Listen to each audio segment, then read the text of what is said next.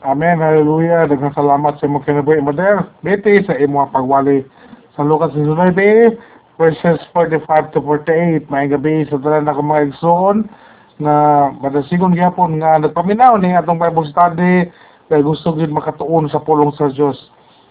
Nagsalamat sa Diyo sa Blang Espiritu sa atong magwawali karon kay nasaysay niya ang matuod gayud nga kahulugan ug angay unsa gipasabot nining iyang gi gibutang diri nga pagwali nga may duaw may adto sa Ginoo Kristo sa templo. Ako na itudlo ha. Base sa og okay, mo sa ni Mother Bete, base sa mga panghitabo pagsulod ni Ginoo Kristo sa templo Tanaw ni mo atmosphere mga igsoon, nakita ni Ginoo Kristo nga ang Jerusalem wala gayud mi improve sa adlaw naghatagan siya og mga higayon.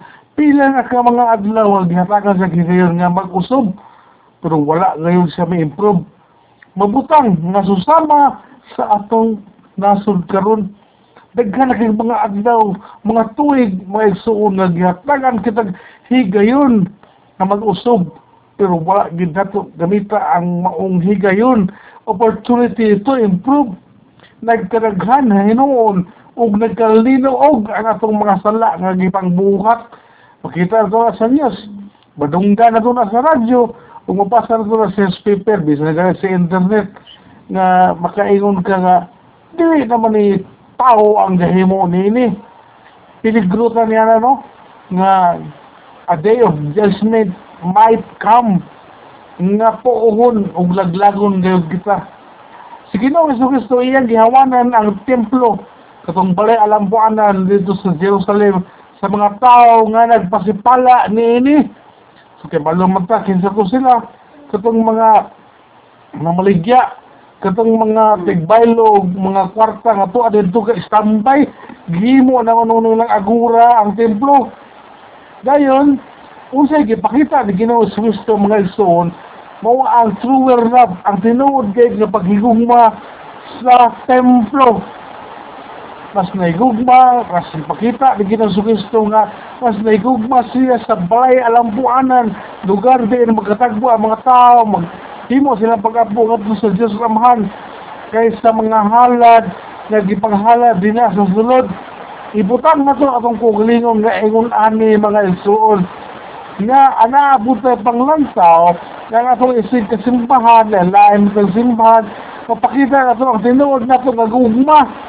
Mas importante ni ang simbahan. Kinsay nagbuyo o nagtudlo dinha ang pastor. Higugmao na to. Dili na to. Parehason lang pareha sa sa eskwelahan nga bandal-bandalan. Gumuon ang mga butang. Pangawaton paghido unsay ana din ha o sulod gawas nga wala wala wala ganun kay batasan sa ana dira ang pastor e ang pamilya o skin saman nga iduaw rin na nga pareha nato uban sa pagtuo kauban sa simbahan. Kapay usahay ngalin na sa simbahan mag-away maglalis nagkukig mga tingog napas ang simbahan magsumba og libak. So nabutang na hinuon ni nga gihiwo na hinuon ni den of robbers tuwa na sa dito pinatyanay. Kaya naman eh man ang ngayon sudado rin sa mga direr na sila ko ni isuon aw mura na mong imo na sang kipatay o dito mo naglibakay dito mo nag-away nagpagawas sa iyong tinuod nga kulor The temple is a house of prayer. Ang templo, at ni siyang ibutang sa buto ng panahon, ang simbahan. Balay, diin kita mag-ampo, mga isuon. Gilain kayo gini, aron mahimong lugar, diin kita makigsuod o samot sa atong buhay nga Diyos. Naigisugutan si Madamiti usa nga ako ang lista, no? Nga, nag-andam kita sa itong kulingon ano ni abot sa panahon makauban kita ng Ginoos Kristo dito sa langit. O makauban nato makuyog makita nato sa tinuod na Diyos nga pagsabot ang Diyos amahan. O usa ang templo nga lugar diin kita makagsuod kaniya. Kaya naman the direct access pag-ampo na matadiretso so kaya kung tuwa ka sa simbahan mong kasing-kasing mag-ampo ka diretso sa Ginoo Hindi naman sabay. Pero nindot mo sa simbahan kay madasig mo ka. Maampo ni mo to imong tapad. O si kinsa ang anak din nga naginahanglan, mapakita ni mo ang imong gugma. Katong mga namalit dito, na ilang ihalad, o katong namaligya, gihimo man kini og den of robbers, no, kaning luklukanan sa mga tulisan, sa pinaagay sa ilang mga pagpanikas, nga mga pagbaligya o kaning barter-barter nila na ilang mga sensilyo. Dayon, pagkahimo pag sila sa pag-distract, no, wala na nila na, wala sila na sayod nga, daay mga tao dito, nga niadto dito aron mag-ampo. So maghinay-hinay usab kita mga iso sa simbahan. Na kung adunay nagwali, ang pastor, alaay na minaw sa imong tatad, dili mo ka magpasagat og tabi-tabi. Dili mo ka magwali kay ang katong naminaw, maglibog siya asang siya maminaw. Ang nagwali sa pulpito, kung kaning katabi siyang likod o siyang tapad. Nahimo na nga mura kag katong kani mga walay batasan nga mga namaligya ug namalit sa mga hala dito. Kay ila man gihimo og luklukanan sa mga tulisan. Kung ikaw nagwali ang pastor wali po ang imuha sama ra sa tulisan kay imong gidistract ang tao nga nag-focus, nag-concentrate siya sa pagpaminaw sa pulong sa Ginoo. Ikaw na unya tong langgam nga mituwak atong mga liso nga gisablig niya atong magpupugas nga dito ritog pa sa mga dalan. Wala katubo sa kaning kasing sa laminaw. Sige pangaong sa langgam. Wala katubo sa kaning kasing sa laminaw ni Simba. Kay imo man didistract dituhak sa mga langgam. So di pakita ni Ginoo Kristo ang tinuod ang the best gayud nga paggamit sa simbahan.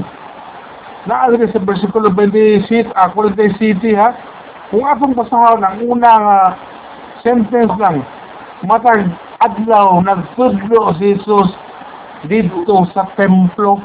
Muna siya ang correct use sa simbahan. Nga matag adlaw nagtudlo na dito himuon ang mga pagpanudlo. Dili kay tuwa dito kay usaman nag-birthday Hindi ka tuwa dito kay nag-practice og drums drums wala labot sa service. Tuwa dito kay nagchika tuwa dito kay kani ang sani wala lang. Imbes nga pareha dito may mga sample ba? Nga o oh, anita simbahan magtabok sa ha paghapon domingo pag adto kay landa naman eh nga abot sa tapok. Naghimuon nga mga pagwali. Unya kay ay tulura man ta kabuok dili man ma mahimo ni kay kinahanglan madagagan magampo na lang ka ni sakripisyo ang buluhaton. Imbis adunay mga panagsimba bisag tulo lang man ka magampo na lang ka kay kulang man ka. Pwede ba na pwede makasimba ng tulo? Katong sa tinago galing nga katong gaton o pastor dito sa una dili pa kung kristuhanon mula ba yung magkato yung simbahan kay matumis dagat Malabi na mo to yung simbahan. Magwali ka siya basta way kaminaw niya. Kasawa na mo kung yawa dito ano. Kapraktis. Gawali way naminaw niya. Samutan na yung naminaw niya. No, makainom na ko itong mga siyaw-siyaw. Katong pag-intern na gusto ba niya nga ba? Nga, gusto man siya nga makabalog siya muwali nga mayo, kunya kay maulaw mo siya, ay ka nung gimo na doon sa kalubihan. So, bali siya nga ito, gawa sa gawali o brusada.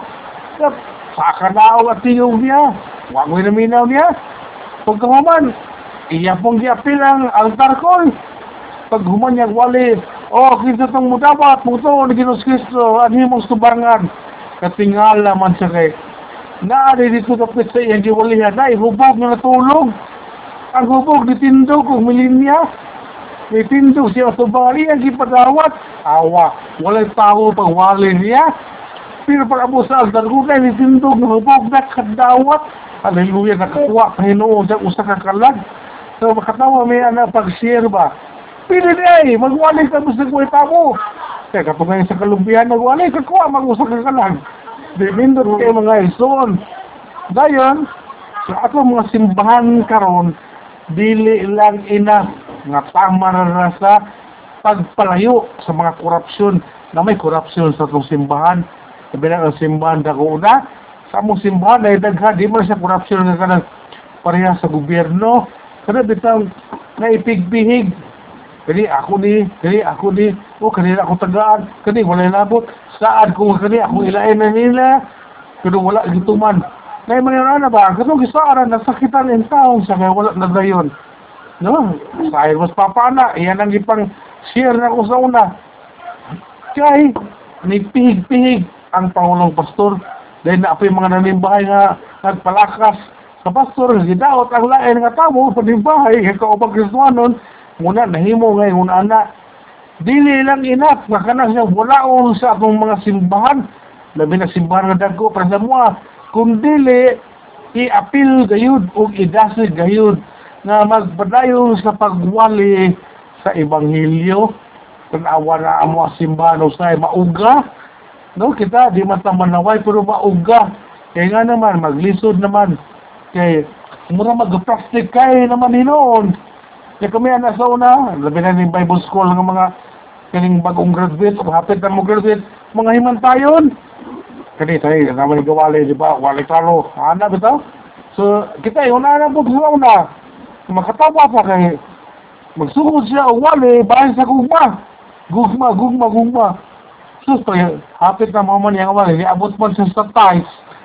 Nigo nga, wala naman stima na yung gawali. Kung niabot man sa tiles, kaya nga no ba, nagpasidungog, nagpadungog-dungog, aron ingnon, nga ihang gilabanan ang simbahan. So, dili maayo na, tima-tima rin ka.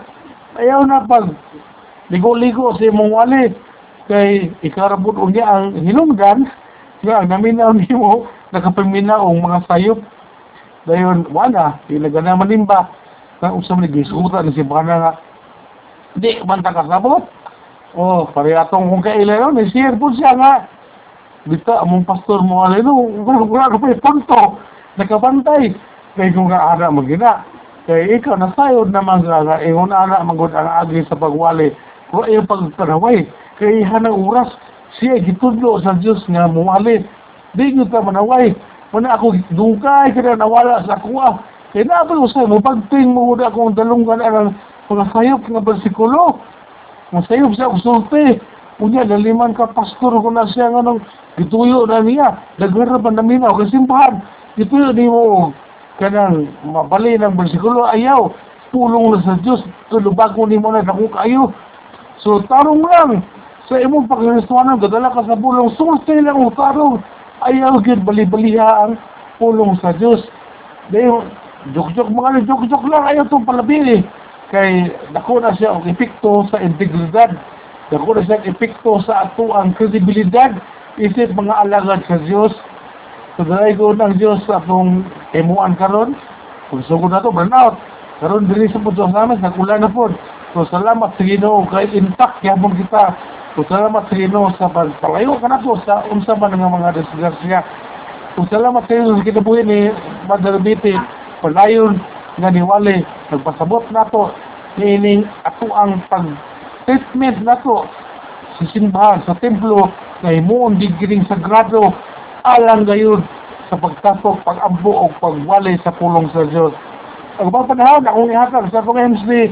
Hallelujah, Amen.